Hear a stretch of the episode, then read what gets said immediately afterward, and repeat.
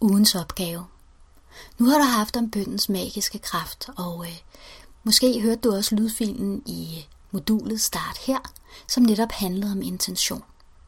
Og det der jo er i, når vi bærer en bøn, det er, at vi sætter en intention, samtidig med, at vi siger ja tak til englenes hjælp. Så din opgave i denne her uge, det er udover at fortsætte med den hilende lydfil, som du fik i modul 3, det er at begynde at være opmærksom på at sætte en intention, bede en bøn, hver gang at du begynder at lave nogle forskellige ting.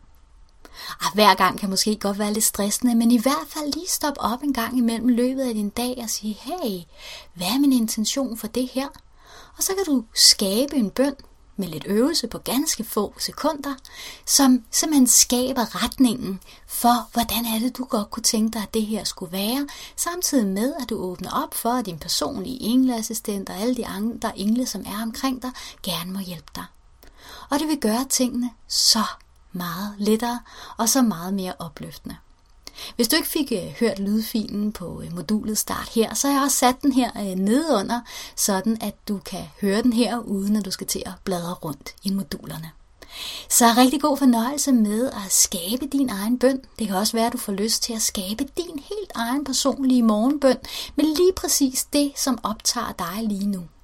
Og det kan også være, at du løbende løbet af dagen har lyst til at skabe forskellige intentioner, bønder for, hvordan du godt kunne tænke dig, at tingene skal være.